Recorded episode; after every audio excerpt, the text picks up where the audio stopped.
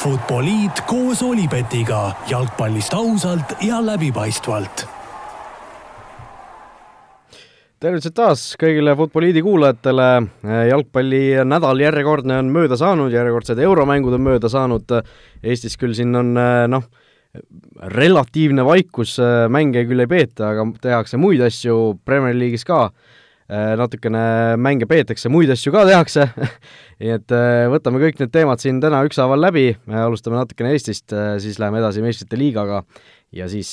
Premier League'iga, minu nimi on Raul Õessar endiselt ja teise mikrofoni taga pärast nädalast väikest puhkust Joel Hindermitte. tšau! nii et sõidame! kas teadsid, et Olipet pakub parimat mitmikpanuste diili Eestis? no Joel, meistriliiga hooaeg on läbi, nüüd on ka kõik üleminekumängud läbi, uue hooaja alguseni on veel natuke aega, ilmselt vähem, kui võiks arvata tegelikult selle kõige ettevalmistuse ja muu asja mõttes. no räägi, kuidas üldse sinul kui ütleme, meistriliiga meeskonna treeneril see puhkus välja näeb, saad sa reaalselt kuskile jalad seinale visata või kogu aeg mõttes juba vasardavad, et no okei okay,, selle venna peaks sealt, võiks sealt tuua ja kuidas seda venda kasutada ja, ja mis sellest uuest hooajast üldse saab? Eks seal on mõlemat, et no Eestis see puhkus on ikka üsna üürike, seal ühe kuu ligi ja, ja üksteist kuud kõvasti tööd. et, et see puhkuseaeg üritad ennast võimalikult palju välja lülitada, aga treeneri selline elu või mentaliteet on, et kogu aeg midagi ketrab ja, ja eks endal ka veidikene selliseid mõtteid juba, juba liigub, mida ja kuidas teha. ja noh, kui enda seisukohast rääkida, siis nii-öelda minu selline puhkuse või puhkuse algus oli ka väga jalgpalline, et siis äh, kõigepealt koondisega Hollandis kaasas äh, nii-öelda kommenteerija ja, ja ja stuudioeksperdi rollis, mis oli, ma arvan, väga äge kogemus, kogu see selline atmosfäär, mis seal Hollandis püsti oli pandud, see Amsterdam Arena ülimalt-ülimalt vinge, olla sealjuures, liikuda ringi, näha mängijaid seal nii-öelda kohe platsi kõrvalt, et et väga-väga äge kogemus ja väga tänulik selle üle. No siin oli suur uudis vahepeal õhus, Zlatan Ibrahimovic, Hammarby, Hammarby tuleb ju Eestisse mängima nüüd Floraga, see mäng vist toimub jalgpallihallis äkki või? peaks olema küll, jah. noh, et noh, küll lõpuks selgus, et ei ole ikka mängijana, vaid ostis lihtsalt osa sellest klubist endale, Ibrahimovic, aga aga no see oleks ka muidugi päris äge, et kui Zlatan oleks tulnud Lilleküla sisehalli mängima no see oleks päris omaette vaatepilt olnud, aga, aga ise ei uskunud küll, et Zlatan veel kuskile siia Rootsi, Rootsi ära maanduks, et usun, et tal üks käik on veel varuks enne seda, kui ta tagasi koju tuleb või, või siis juba putsad lõplikult varna, varna riputab nojah, no nägime siin tõesti Zlatani kuju Malmös, mis värskelt sinna püsti pandi, mis kuuldavasti seal Rootsi jalgpalliliit vist nagu tellis, tahtis alguses Stockholmi panna, seal keegi ei tahtnud seda, ja siis, siis mõeldi Malmö peale, Malmös ka nagu keegi väga ei tahtnud, aga lõpuks võeti vastu, et okei okay,, et tehke meile siis ära. Alguses noh, tehti ära ja siis kõik olid õnnelikud, aga nüüd, kui see Hammarby uudis tuli, siis hakati seda ka siin rüüstama, siin vist isegi olid mingid pealkirjad, pandi põlema ja visati mingisugune prill-laud sinna käte otsa ja mingit sellist äh, nalja ja mitte nii naljakaid asju seal äh, igatahes tehti, aga aga noh, see selleks, äh, võib-olla kuskile noh, ütleme omanikuna tuleb vaatama, on ju, sinna tribüüni peale kuskile Zlatan suurelt, on ju no võib-olla pannakse need soojalambid ka siis selleks ajaks tööle. Ei, ei ma ei tea, no see on ikka, kuningannat vaadatakse ilmselt selle jaoks, aga aga noh, okei okay,, see selleks, eks Eestis vaikselt selline noh, kas võidurelvastumine käib, selleks, seda võib olla palju öeldud, aga siin Levadia on andnud uutest mängijatest teada, Kalju siin teatas täna ametlikult, et Roman Kožuhovskiga ei pikendata lepingut, noh jutud käivad siin päris tugevalt, Marko Kristal tuleb siis Kaljut juhendama, Martin Reim Levadias, Marko Kristal Kaljus, et need vanad sõbrad taas omavahel koos tippkonkurentsis, seda on muidugi hea meel näha, aga noh, kuidas Floral nende uute meestega on, sina otseselt muidugi sellega vist ei tegele, aga, aga on uudiseid varsti oodata ka või mitte? no töö käib sellel rindel, et noh, nagu ennem ütlesime ka, et see nii-öelda off-season on selles suhtes kontori ja, ja spordi, spordi sellise organisatsiooni poole pealt üks, üks tihedamaid, et et kindlasti vaatame turul ringi, noh, meil mõned lahkujad on juba, võib-olla mõned mängijad lähevad müügiks loodetavasti, et eks eks need kohad tuleb ära täita ja, ja kui me räägime, et uuel hooajal on vaja tiitlit kaitsta ja, ja ka eurosarjas proovida edukalt esineda, siis, siis, siis tuleb seda nii-öelda tugevat tervikut kindlasti hoida. no ja lõpetuseks äh, pikk see puhkus siis nii-öelda ametlikult on, mis kuupäeval tagasi trenni mehed ilmuma peavad? Detsembri keskel, kuusteist detsember on siis esimene treening, aga eks, eks treeneritega võib-olla veidikene varem koguneme ja, ja arutame seal asju veel, veel lisaks läbi, et natuke on veel minna, tuleb, tuleb võtta sellest puhkusest maksimum ja, ja jalad, nagu sa ütlesid, jalad seina alla panna vot nii, aga viskame meie siin jalad seinale piltlikult äh, ja hakkame rääkima hoopis siin meistrite liigast, jätame selle Eesti jalgpalli praegu sinna paika. kas teadsid, et Olipet toetab FCI Levadiat äh,? meistrite liigas siis alagrupi turniiri viies voor ära peeti siin eile ja üleeile, kui me siin neljapäeval praegu seda äh, saadet lindistame. Ja noh, mõtlesime, et äh, mis seal siis ikka, teeme niisuguse tavapärase, tavapärase tüki, võtame need alagrupid lihtsalt ette, räägime natukene need põhilised jutupunktid võib-olla ära, A-grupis äh, on siis üks, äh, A-grupp on siis üks nendest gruppidest, kus kõik sai nüüd ametlikult täitsa selgeks ka selles suhtes, et esimesena läheb sellest grupist edasi BSG, teisena Real Madrid ja Club Brügge ja Galatasaray siis madistavad viimases voorus mõlemad küll eri, eri meeskondadega, aga aga võitlevad siis selle kolmanda koha peale, mis viib siis Euroopa liigasse. no BSG Reali mängu äh, me siin sinuga kommenteerisime teisipäeva õhtul, oli tegelikult vägev andmine, noh, arvestades seda, et äh, mõlemal meeskonnal justkui millegi peale enam otseselt võidelda ei olnud, siis tegelikult äh, noh, selline aujuhkus ja selline lihtsalt suur mäng oli ja, ja noh, mõlemad meeskonnad näitasid ennast mingil määral heast küljest, mingil määral võib-olla mitte nii heast küljest, aga noh, mäng oli ise äge no sa ütlesid hästi, et äh, ma arvan, ma ei mäletagi tippjalgpallis ühte äh, nii lahtist ja, ja võimaluste rohket mängu, kas seal kui ma nüüd õigesti mäletan, löögid olid ligi kakskümmend viis, viisteist, midagi taolist, võib-olla isegi pluss-miinus siin rohkem-vähem,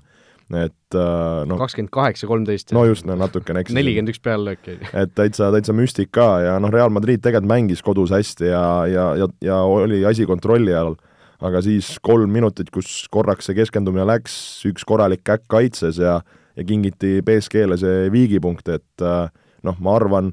tagantjärgi, kui, kui koju sõitsin, siis kes seda mängu nägi, seal oli Eden Hazard sai vigastada, kes oli väga-väga terav ja, ja hoidis Reali mängu üleval. et ma arvan, Eden Hazardi see vahetus või, või see vigastus oli Reali jaoks selline võtmekoht, kus see mäng hakkas äh, natukene all, allamäge liikuma, aga tõesti vinge mäng ja ja noh, mõlemad äh, nüüd play-off faasis kindlasti väga-väga tugevad võistkonnad, keda keegi loosiga ei taha vastu saada.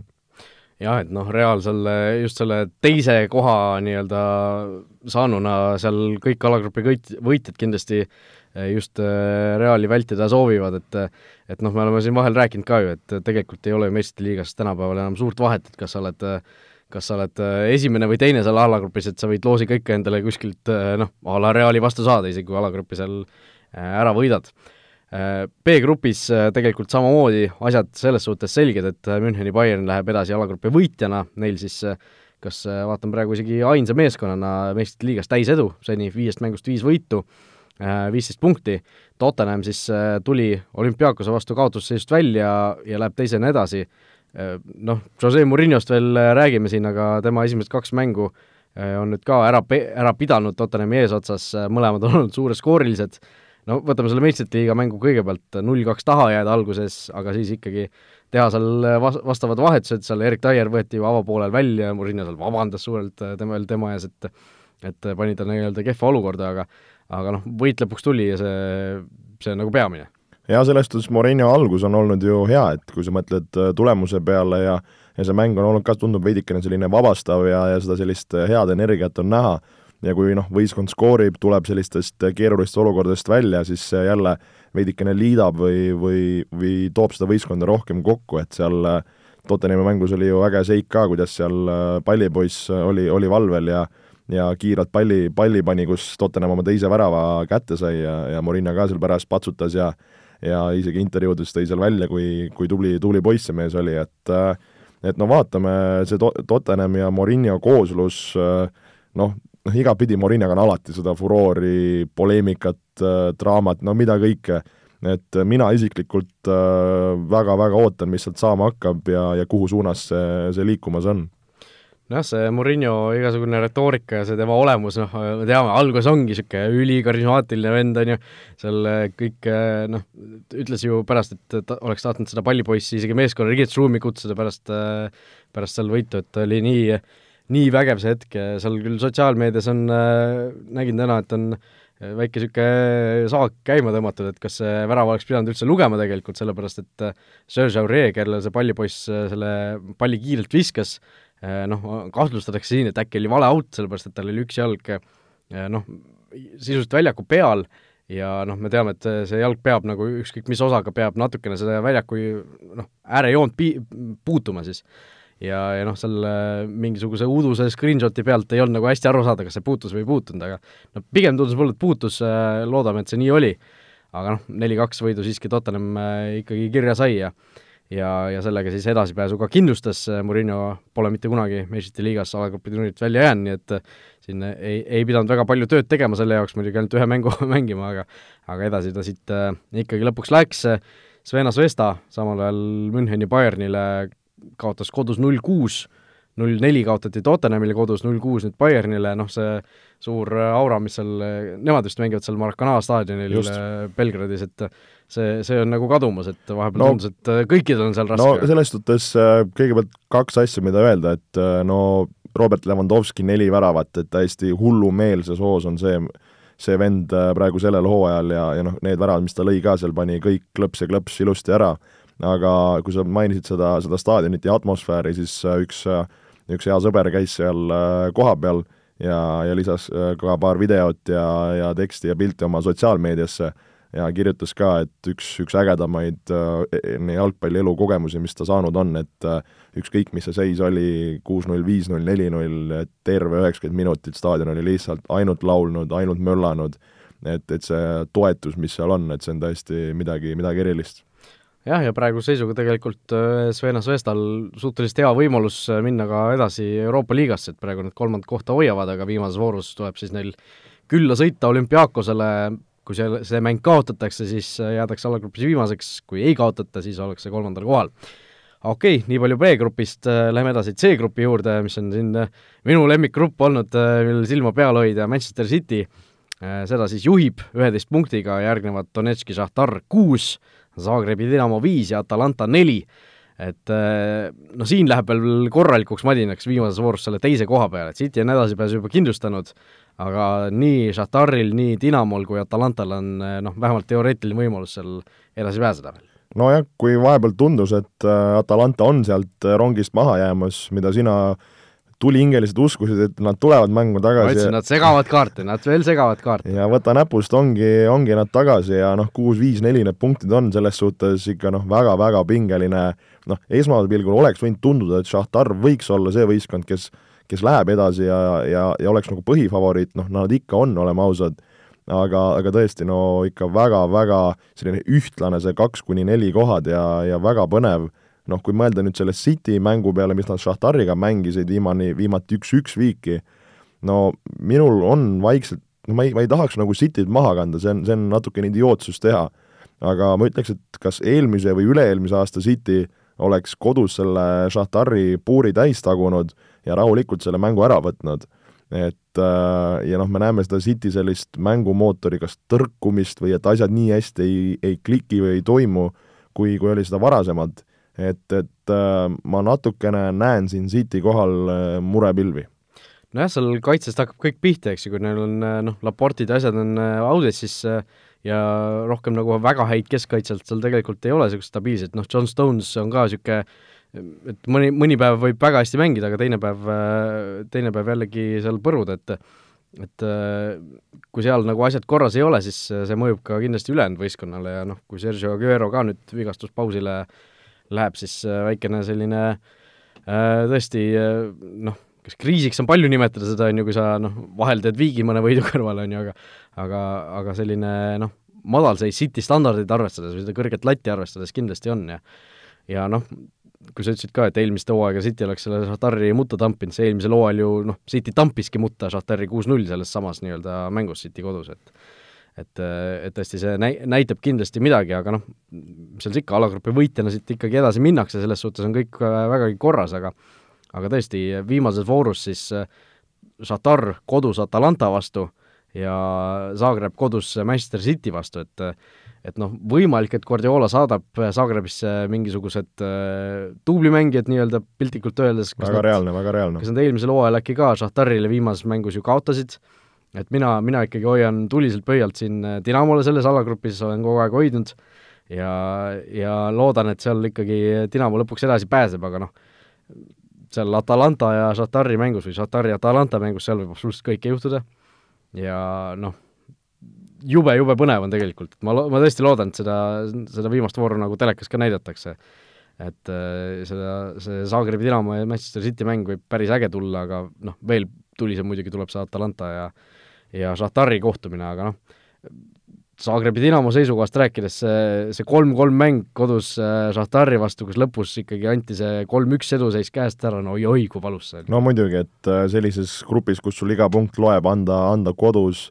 noh, need punktid käest ära, see, see on lubamatu, et äh, kui neil peaks asi nihu minema, siis see on täpselt see mäng, mille poole tuleb vaadata. Just, äh, nii et C-grupp äh, sai ka läbi arutatud, läheme D-grupi juurde, kus on siis Juventus endale alagrupi võidu ära kindlustanud, võideti siis siin eelmises voorus või noh, selles selle nädala voorus Paulo Dybala suurepärasest karistuslöögist üks-null Atletico Madridi, aga noh, seal tegelikult Atletico äh, kui me oleme pikalt rääkinud siin, et noh, Juve ja Atletico kindlalt lähevad edasi, siis tegelikult viimase vooru eel on seis selline, et Atleticul on kirjas seitse punkti, Leverkuseni Bayernil kuus punkti. Ja viimases voorus siis äh, küll äh, Atletico võtab kodus vastu Moskva Lokomotiivi ja, ja Bayern kodus Juventuse, aga noh, Atletico tegelikult teab, et nad, ega nad libastuda ei tohi. no ei tohi, noh, sellest siis nende kasuks räägib see, et nad on äh, kodus mängimas ja noh, kodus Atletico on alati teine tera ja, ja ma arvan, need mehed, kui saavad aru, et siin asi käib edasipääsu peale ja Atletico on ju alati meistrite liigas olnud, olnud kibe käsi, et ma arvan, seal äh, ma, ma ei näe nagu, et nad, nad hakkaks libastuma, eriti kui, kui vastaseks on Lokomotiiv, kes on küll tublilt pusinud, aga ma arvan, ei, ei ole päris see, mis, mis siin Atleticut nüüd murdma hakkaks. Jah, no kui mäletame, Loco ju, võõrsil Juventuse vastu seal ju läks alguses juhtima ja alles seal seitsekümmend seitse ja seitsekümmend üheksa jällegi see Dybala oli see, kes need äh, väravad ära lõi, nii et äh, Lokomotiiv kindlasti üllatusvõimeline on, aga noh, ikkagi tahaks, tahaks nagu öelda, et Atletico ikkagi läheb siit edasi. jah, ja tegelikult kui mõelda Atletico peale, et nad lähevad teisena edasi, siis meil on juba, juba teine väga tugev äh, teise koha punt nii-öelda siis, siis Reali kõrval, kes, kes hakkab seal huvitavaid loosipaare tekitama jah, no ilmselt praeguse seisuga väga tugev teise koha punt on ka E-alagrupis, kus on siis Liverpool ja Napoli praegu esimese kahe koha peal aga noh, seal on ka nüüd äh, see Liverpooli ja Napoli äh, viik, üks-üks viik, mis siin äh, nüüd eile, eks ju tehti, oli, oli ikkagi selles suhtes märkimisväärne, et see tekitab viimase vooru eel olukorra, kus noh, Jürgen Klopp ei saa siin põhimeestele puhkust anda, Salzburgile külla sõidetakse ja kui Salzburg selle mängu peaks võitma on ilmselt olukord selline, et Liverpool jääb üldse välja no see on juba selline veidikene ulme, ulme kategooria. kas on, kas on? Kas on, väike provokatsioon. no Salzburgi Liverpooli mängu Anfieldil me mäletame ju neli-kolm täiesti segane mäng see oli. Ja no Salzburgist me oleme rääkinud, kus nad võivad siin igasuguseid asju teha, kodus minna noh, põhimõtteliselt all in, neil ei ole mitte midagi kaotada. et ma arvan, Liverpool peab kindlasti seal natukene jalga väristama, aga, aga noh, see ongi nüüd Liverpooli kui, kui tiitlikaitse koht, näidata oma klassi, et minna, minna võõrsil ja, ja sõita Salzburgist üle, kas nad seda suudavad, no ma tahaks arvata, et jah, aga, aga just see viimane mäng Napoliga, üks-üks viik kodus, noh, see ei olnud üldse see Liverpool, keda me ju oleme harjunud nägema. et see näitab ka seda, et kas, kas on selline noh, lootsid äkki saavad võib-olla poolkavaga selle kätte või veidikene nagu väsimust või, või, või mis, mis iganes nagu, et äh, noh, aga noh, me räägi-, me ei saa ka rääkida selles kontekstis, et äh, noh, Napoli on ka tegelikult väga hea võistkond ja mängisid väga hea partii Liverpooli vastu. et äh, et noh, ma ei tahaks öelda, et Liverpool välja jääb, aga see, loodame, et Salzburg natukene paneb äh, neid nii-öelda kõditama noh, võib-olla kõige ägedam versioon oleks üldse see, et Salzburg võidab Liverpooli ja Napoli kaotab Genkil, niimoodi, et hoopis Napoli jääb välja sealt, eks ju, et aga noh, Napoli puhul no nad oskavad Liverpooli vastu mängida, nad on kaks hooaega järjest seda näidanud tegelikult ja ja noh, lugesin natuke selle mängu kohta, kuna ise kommenteerisime, samal ajal siis ju vaadata ei saanud otseselt, aga aga Napoli oli väga hästi ära kasutanud äh, Liverpooli nõrkused, noh, äärekaitsjad teame, et tõusevad palju, nad olid istunud suhteliselt sügaval ja noh, pannud ainult pikki palle sinna äärekaitsjate taha tekkinud tsoonidesse, et et Ancelotti on noh, mingisuguse niisuguse võtme nagu Liverpooli vastu välja, välja mõelnud, et et Liverpool noh, kodus võiduta jäämine tegelikult ei ole ju sugugi äh, sagedane sündmus, et äh, pre-, isegi Premier League'is ju sel hooajal ainult üks viik tehtud, et et äh, Napoli kindlasti noh, see, sealt on teistel Premier League'i tiimidel midagi õppida Napoli mängust no eks Itaalia jalgpall ja Napoli ka noh, nad on kõik kaitses väga distsiplineeritud ja tugevad ja kui sa rääkisid siin Napoli kontrarünnakutest, siis ma arvan, Napoli ütleme, ülemised ründemängijad, ääreründajad on, on noh, ülimalt, ülimalt kiired, et niisugused ikka väga-väga kiired mehed. et kui need kontrates neile need pallid sinna kohale lähevad, siis ongi raskused ja see esimene värav näitas ka, kui seal liini taha sai, siis oli täitsa üksi ja, ja pani klõps taha, taha nurka ära. et no Napoli ka väga, ma arvan, selline hea jokker, kui, kui hakata, kui nad peaksid teisena edasi minema ja, ja kellegi nad sealt äh, siis oma teise asetusega vastu saavad, et see noh, vara siin rääkida, kes mis asetusega, aga, aga ma arvan ka, et Napoli on üllatusvõimeline võistkond. No samas äh, me teame, Napolis on suur äh, noh, kriis praegu tegelikult, eks ju, et siin kui vaadata siin viimaste mängude vormi ka, siis noh, siin on juba seitse mängu järjest olnud võiduta, kuus võiki ja üks kaotus, kusjuures selle seeria jooksul päris nagu omapärane, omapärane selline järjekord, aga aga noh, see klubi president Aurelio de Laurentiis on ta nimi, eks ju, pärast seda, kui siis meeskond, või see oli juba enne seda tegelikult, pärast seda, kui siis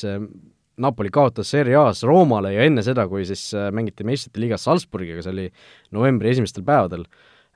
saatis siis, kavandas meeskonna retirot tegema, mis siis tähendab Itaalias seda, et sisuliselt mängijad, treenerid kõik kolivad meeskonna baasi elama, nad ei saa enam kodus olla, ei saa oma pere juures olla ja selline noh,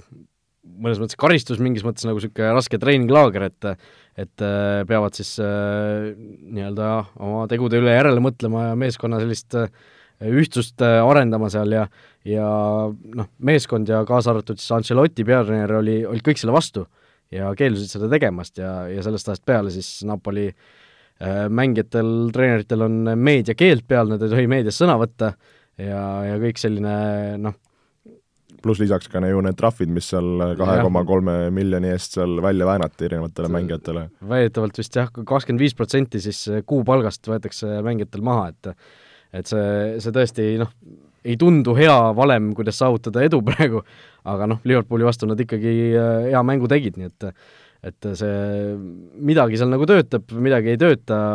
igatahes niisugune kahtlane seis Napolil praegu, praegu on, et ma ise küll arvasin kusjuures, et nad äh, Liverpooli vastu võõrsil noh, just selle kõige selle tausta pealt nagu saavad suure ketuka, aga noh, võta näpust, on ju.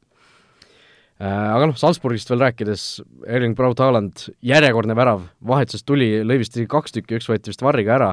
et no täiesti pidurdamatu mees. no segane mees, segane mees, äh, noh kui nüüd Levandovski lõi, lõi neli tükki, siis on kümne väravaga ja ja Haaland tema järel kaheksa väravat ja siis tulevad siin Harry Kane'id, Martinezed, Sonnid, Sterlingud, et äh, Norra mees Salzburgist meistrite liigas äh, top skoorer number kaks, no. üheksateistaastane täitsa, täitsa, täitsa segane värk, oleme ausad, noh tõesti, tõesti ja noh, siin räägitakse juba jaanuaris Manchester Unitedisse ja, ja kõik jutud veel, et noh, see Norra connection, eks ju, Solskjaer, Haaland, et et no kui, kui see õnnestub niimoodi tuua, siis äh, noh, las see Solskjaer olla seal natuke veel vähemalt jaanuarini pukis või, või isegi veel kauem, aga aga noh, see, see vend on äh, kindlasti selline, keda kõik tippklubid praegu endale, endale ihaldavad. F-grupp, surmagrupp, Barcelona, Inter, Dortmund, Praha, Slavia, selline järjekord praegu siis tabelist vastu vaatab, Barcelona ja Dortmund äh, seda mängu ka eile me sinuga kommenteerisime, kolm-üks Barcelona võidu sai, no jutupunktid sellest mängust, number üks, Lionel Messi uskumatult hea, Dortmund äh, ikkagi praegu tundub, et on mingisugune kala seal meeskonnas. Ja number üks punktile Messilt äh, väga hea partii, värav kaks söötu, no selles suhtes tegi, tegi oma ära oma, oma seitsmesajandas mängus Barcelona eest äh,, aga, aga ma arvan, minu jaoks just see number kaks punkt oli võib-olla isegi kõige üllatuslikum, et Dortmund oli ikka noh, oleme ausad, väga-väga kehva, esimene poolek noh, täiesti hädas,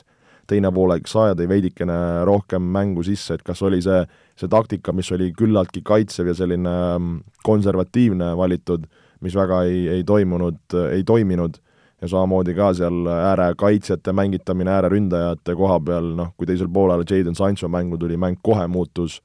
et, et tõesti see Dortmundi viimaste, ütleme, kolme mängu, mis neil on siin ikka korralikult aia taha läinud, vorm on, on, on väga, väga selline problemaatiline ja noh, seda draamat ja poleemikat nende ümber on ka, et noh, peaks nüüd nägema, et kas Dortmund suudab selle ümber keerata kuidagi või, või just vastupidi, langevad veel rohkem mutta. Nojah, see Sancho värav, mis äh, Dortmundi auväravaks äh, lõpuks läks, äh, no tõesti fantastiline sooritus, noh, sellist koha pealt panna niisugune kasti, kastijoone juurest selline kuul ristnurka lihtsalt noh, noh, ma ei ole nagu palju inimesi ilmselt maailmas, kes suudaksid sellist asja üldse teha järgi. olen sinuga nõus, no nii kommenteerides ka tõin, tõin välja, et ma arvan, Jadon Sancho on üks, üks huvitavamaid ja ägedamaid noormängijaid, kes praegu siin äh, Euroopa ja maailma tippjalgpallis liikumas on ja ja kaks tuhat aasta sellel mehel passis kirjas, et et kindlasti kuuleme sellest mehest veel palju ja, ja noh, tema puhul on ka räägitud juba, kuidas siin ka kõik äh, tippklubid järjest ukse taga järjekorras koputavad ja ja rahapatakaid kordamööda lauale panevad, et eks, eks ole näha, kuhu selle mehe tiivad teda kannavad. just, aga noh, sellest grupist äh veel rääkides, Barcelona endale edasipääsu kindlustas, aga Inter ja Dortmund siis mõlemad seitsme punkti peal, Inter viimases voorus võtab kodus vastu Barcelona, Dortmund eh, kodus Praha Slavia, no Slavia jällegi noh, peab seda üle kordama, Interi vastu kodus tegelikult tegid jällegi väga korraliku mängu, väga asjaliku mängu, ründasid rohkem, omasid võimalusi, aga no ei tule, ei tule need punktid kuidagi, no Inter lõpuks ikkagi oma klassiga võttis ära seal, Martines, Lukaku. No see on, mina ütlen isegi veidikene minu jaoks üllatus, et nad on nii hästi suutnud vastu pusida nendele suurtele, jah, tulemuse mõttes küll mitte, aga mänguliselt ja, ja neid võimalusi, mis nad on omanud nende kõikide vastu, et, et tõesti kiitus, kiitus neile. aga, aga no vaatame, kas nad viimases voorus suudavad siis Dortmundi ka natukene naksata, noh, Interi töö kodunes San Siro Barcelona, kes on edasi saanud, kus neil on vaja noh, sõna otseses mõttes hullu panna ja ma olen täitsa kindel, et Antonio Conte kütab seal nii võistkonna üles, nii fännid üles, et seal tuleb lihtsalt, äh, Inter tuleb noh, noh sõna otseses mõttes kõik, kõik endast panema. Ja, ja ma ei imestaks, kui, kui sellest piisab, et Barcelona seal ära võtta. Nojah, ja teame, Barcelona alagrupi võit on ka kindel, Val-, Valverdel ei ole enam millegi peale seal otseselt mängida ja noh, sarnaselt seal äh, mõnele teisele võistkonnale võib saata, saata varumehed peale, et et seal on Eh, kurk, kurk hakkas kuivama, et seal on eh, tõesti õhus see, et Inter tõesti võt-, võibki selle viimase mängu ära võita ja ja kui Inter ja Dortmund võrdsete punkti peal lõpetavad, siis on eh, viigilahutajaga edu Interi käes, nii et et see, see eelis on neil olemas, aga noh, tõesti, kui Inter mängib Barcelonaga, siis Dortmund mängib Praha Slaaviaga, et olgu see Slaavia nii hästi mänginud, kui nad äh, Eh, kui nad on eh, võõrsil, kusjuures on seni kaotuseta püsinud, nii et eh, nii Interi kui Barcelonaga tehti viigi, viike ja nüüd sõidetakse Dortmundile küll, et võib-olla seal ikkagi on ka mingisugune punktikaotuse lõhn, lõhn õhus, aga igatahes noh, põnev, põnev saab see viimane voor sealgi olema. ja noh, läheme edasi G-grupi juurde, kus võib-olla selliseid suuri nimesid ei ole nii palju, RB Leipzig tuli seal kaks-kaks viigiga Benfica vastu noh, sellisest raskest olukorrast välja, selles suhtes, et väravad löödi üheksakümnendal ja üheksakümne kuuendal minutil, Emil Forsberg, Rootsi koondise mängujuht seal kaks tükki kirja sai ja ja Leipzig sellega siis edasipääsu kindlustas ja noh, teise koha peale läheb seal ikka väga korralikuks madinaks, sellepärast et kõik, kõik ülejäänud mäng, meeskonnad on siis endiselt mängus sees, Zenit seitse, Lyon seitse ja Benfica neli, Benfica siis viimases voorus võtab kodus vastu Zenidi ja Lyon Äh, kodus Leipzigi vastu, nii et seal, seal läheb ka kindlasti põnevaks, aga aga räägime natukene H-grupist, äh, viimasest grupist siis äh, meistrite liigas, kus on samuti olukord väga-väga pingeline, väga tuline, Amsterdami ajaks kümme punkti, Valencia kaheksa, Chelsea kaheksa, Lill üks, noh, see esikolmik, keegi peab sealt välja jääma. no fakt on see, et keegi jääb, no seal, sellest alagrupist me oleme ju ka rääkinud, kuidas äh, noh, seal on ka need, need kolm esimest võistkonda on ikka väga sellise ühtlase tasemega ja ja, ja samamoodi iga, iga mäng on kulla hinnaga, noh, kui me räägime nüüd Valencia ja, Chelsea mängust, mis siin kaks-kaks jäi äh,, oli ka väga lahtine mäng ja, ja Chelsea'l oli võimalus tegelikult see mäng nagu ära võtta, aga selline õnnelik värav Valencia äärekaitselt, kes, vaadake, soovitan teil järgi Äh, laseb seal tsenderduse kasti nurgast, äh, no kas teadlikult või kogemata kepale taha ristipostist, et äh, lugesin pärast, et ta ei olnud nagu mängu jooksul ühtegi normaalset tsenderdust andnud ja siis noh, ei, ei tulnud see ka välja vist, aga aga noh, läks ikka väravasse, on ju. et mine tea, mis seal, mis see mõte taga oli, on ju jah, ja no ajaks näitas sellest oma klassi, võeti lill rahulikult kaks-null ära võõrsil, et noh, ajaks oli, ma arvan, võib-olla kõige kindlam ütleme, võistkond, kes kes, äh, kes oleks pidanud edasi minema, noh, see on veidikene lahtine, aga võrreldes Chelsea ja Valenciaga neil see, see kümme punkti ja kahepunktiline edu noh, on märksa, märksa kindlam, oleme ausad. Nojah, see Valencial on omavaheliste mängude tõttu Chelsea ees võrdsete punktide korral eelis ka, no sellest mängust veel rääkides, Chelsea'l oli võimalus ära võtta, tegelikult oli Valencial sama hea võimalus põhimõtteliselt see mäng ära võita seal kuuendal üleminutil äh, täiesti noh, sisuliselt tühjast väravast Rodrigo mööda lõi, ei saanud pallile korralikult pihta, et et seal oli eh, noh, korralik niisugune masendus oli Valencia staadionil, kus noh, see võimalus oli nagu ära ja mängijad, mäng ei olnud veel lõppenud, aga Valencia mängijad noh, langesid seal põlvili ja hoidsid peast kinni, et noh, mida me veel tegema peame ja ja, ja tõesti eh, see, see mäng oleks võinud absoluutselt ükskõik kuhu minna, aga noh, viimases voorus ajaks Valencia ja, ja Chelsea Lill, et eh, noh, Chelsea'l on parem mäng selles suhtes? no oleme ausad, jaa, et äh, Lill noh, on ka pusinud, aga ei ole suutnud ka nii-öelda oma, oma seda kvaliteeti käima saada, noh, sealt tahaks arvata, et Chelsea võtab Lilli ära ja noh, ajaks ka, teades, et neil võib minna natukene krõbedaks asi, tahaks uskuda, et suudavad ka Valenciast üle olla. et kui ma praegu siit peaks veidikene pakkuma, siis, siis pakuks, pakuks siiski ajaks Chelsea't edasi nojah, seal on võimalus tegelikult ju olemas isegi selline, et ajaks langeb veel üldse no, välja, on ju, kui just. Valencia võidab ja Chelsea võidab, et aga noh, põnevaks äh, igatahes seal alagrupis ka viimane voor läheb, nii et kui vahepeal tundus, et tegelikult äh, noh, kõikides alagruppides otsustatakse need asjad ära, siis tegelikult on vaid mõned alagrupid sealt äh, A, B ja kus on, kus on asjad nagu päris selged, et teistes gruppides ikkagi on, on lahtisi otsi päris, päris korralikult, aga meistrite liigast vist praegu jutu, jutulõng sai otsa, nii et liigume edasi Premier League'i juurde. Olipetis on parimad suurliigade vastasseisude kohvid. Premier League äh, on siis jõudnud äh, sinnamaale, et äh, mängitud on Inglismaal kolmteist vooru, siin eelmisel nädalavahetusel olid ka mitmed huvitavad mängud ja, ja uued, uued mängud tulevad juba sel nädalavahetusel peale Äh, no alustame võib-olla sellega, et äh, Manchester City võitis Chelsea't eelmisel äh, laupäeva õhtul kaks-üks, sellise eelmise vooru kõige suuremast, kõige olulisemas mängus, aga noh, igalt poolt, ise küll seda mängu ei näinud, aga aga igalt poolt, kui olen selle kohta lugenud, siis noh, aru, aru on saada, et tegelikult Chelsea läks, jalutas sealt väljakult pea püsti minema. nojah, et kui kõik arvasid, et City kodus äh, Chelsea'st üle sõidab ja, ja Chelsea seal võib-olla ei suuda hambaid näidata, siis tegelikult näidati väga sümpaatsed partiid, äh,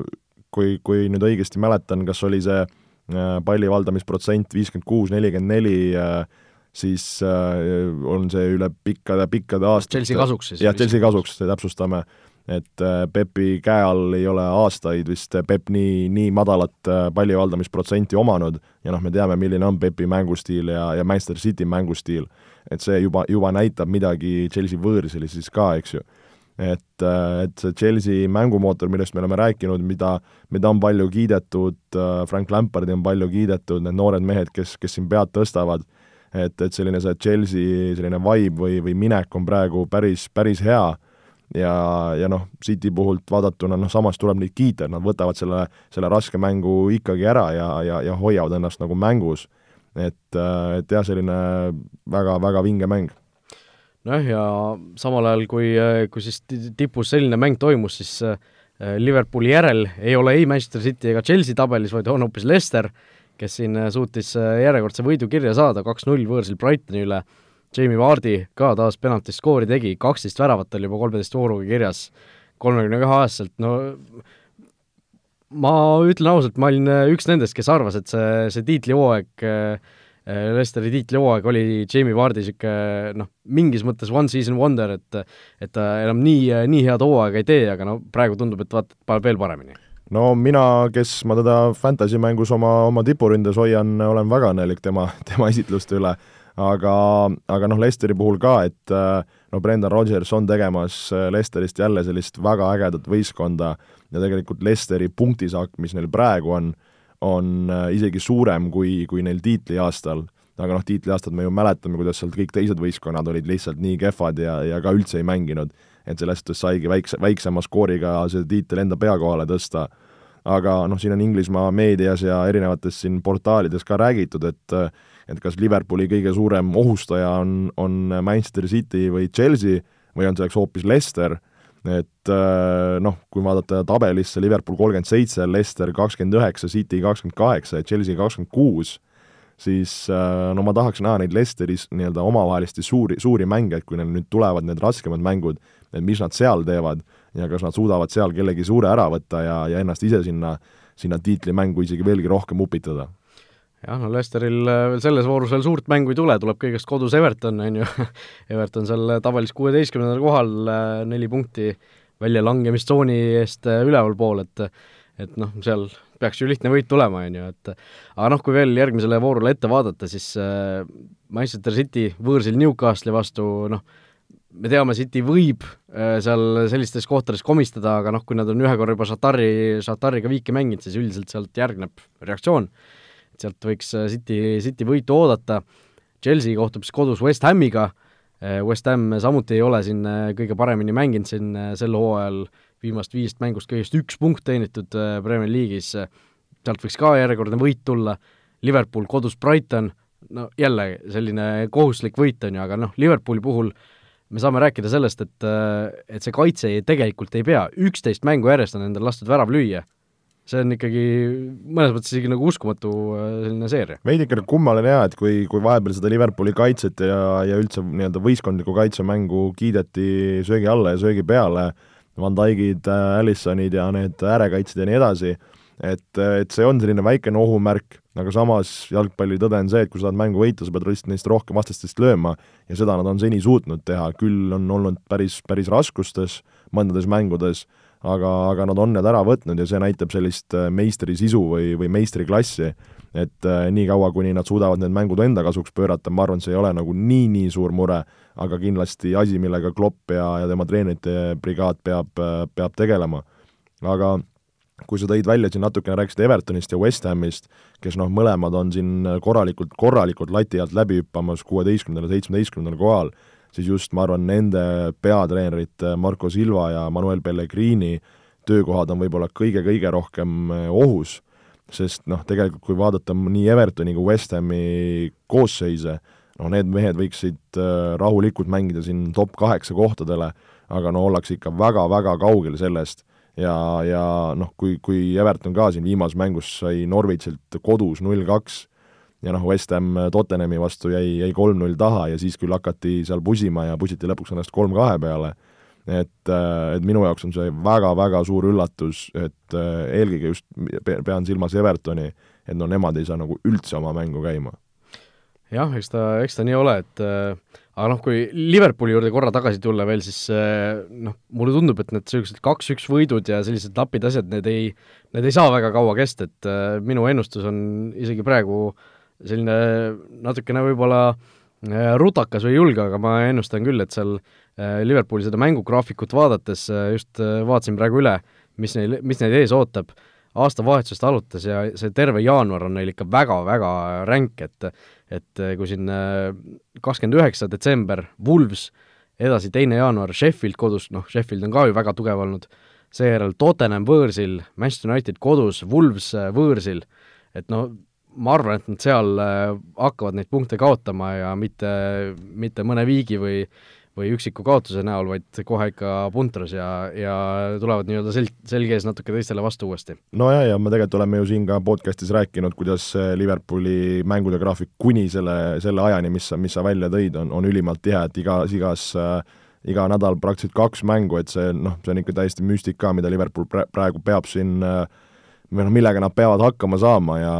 ja no nagu sa ütlesid, et see kuskil ju nad peavad hakkama koperdama. Ja nüüd on küsimus, et kas kohe on, on teised äh, võistkonnad, kes seal neil kuklasse hingavad, valmis neid kingitusi vastu võtma, või, või, või siis ei, ei suuda seda vastu võtta? No ja siin on veel ju tulemas neil see klubide mm kuskil detsembri keskel, mis, mis on ka ikkagi nad, nad sellise naljaka ajastusega, et äh, üks päev enne seda mängivad nad liiga karikat, eks ju, Klopp juba on teatanud, et sinna läheb see U kakskümmend kolm tiim neil, U kakskümmend kolm peatreeneriga, et tema ei hakka siin sellist asja tegema, et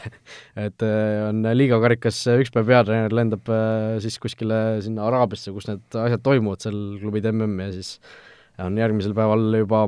juba teisel, teise nii-öelda meeskonna eesotsas, et, et see tõesti selline päris, päris tihe see graafik tuleb ja ma noh, mul on niisugune tunne, et Liverpool se-, seal hakkab vaikselt äh, neid punkte kaotama. kui mitte varem, et praegu neil järgmised mängud on tegelikult noh, paberi peal suhteliselt sellised, sellised äh, noh, pigem nagu sellised, mis, kus võiks võit tulla, okei okay,, siin äh, ülejärgmises voorus on Everton kodus,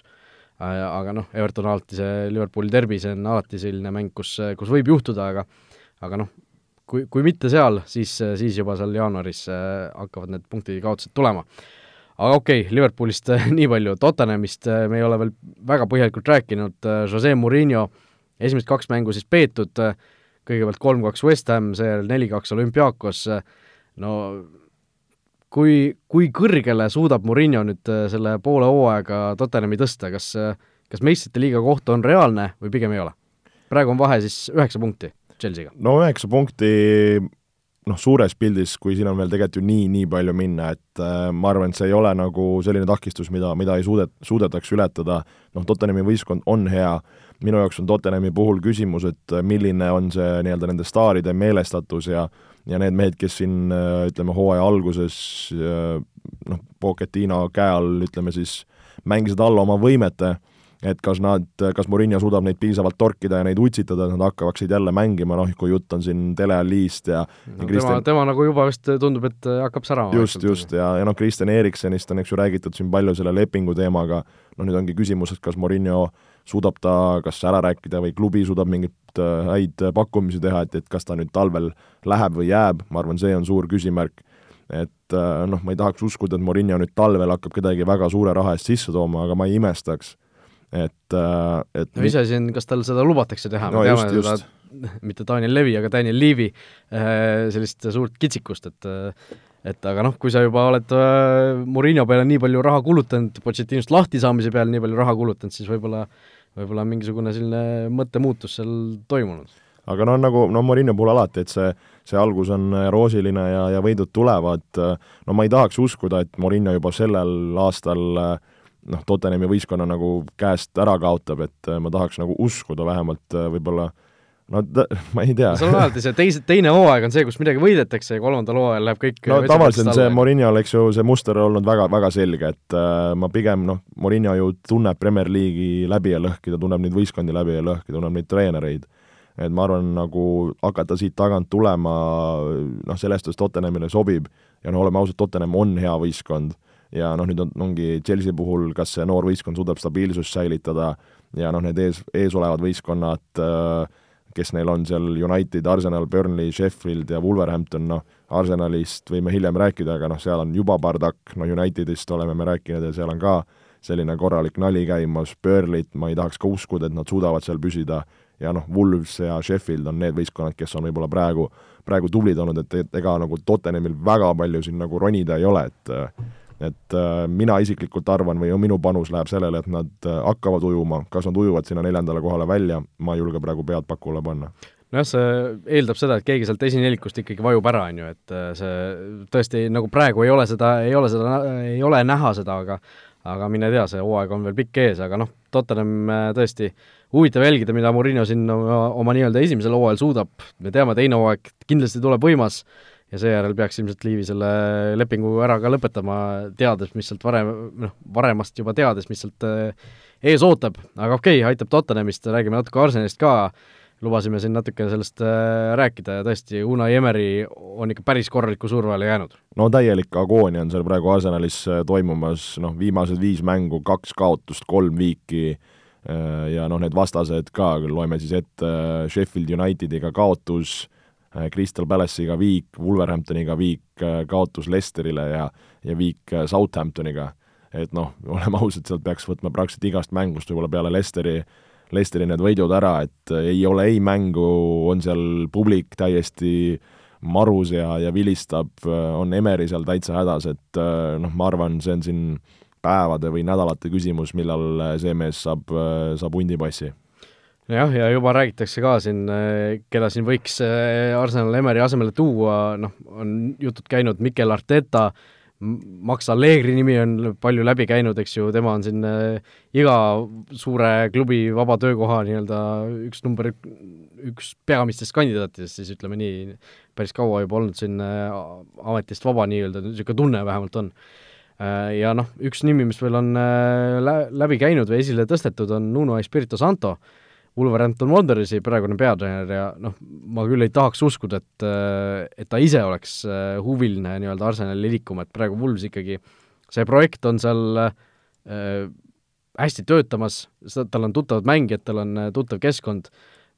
ja noh, rahalised võimalused on ka kõik, kõik märgid näitavad, et äh, väga korralikud, et seal ikkagi tulemust teha ja ja Wolves, kes siin noh,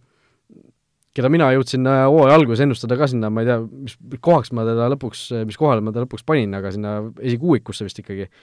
Äh, noh, hooaja algus tundus, et, et võtab peast kinni, et seal olid ju tükk aega seal üldse täiesti nulli võidu peal, kuskil seal viieteist-kuueteist koha peal äh, virelesid, aga nüüd on järsku hakatud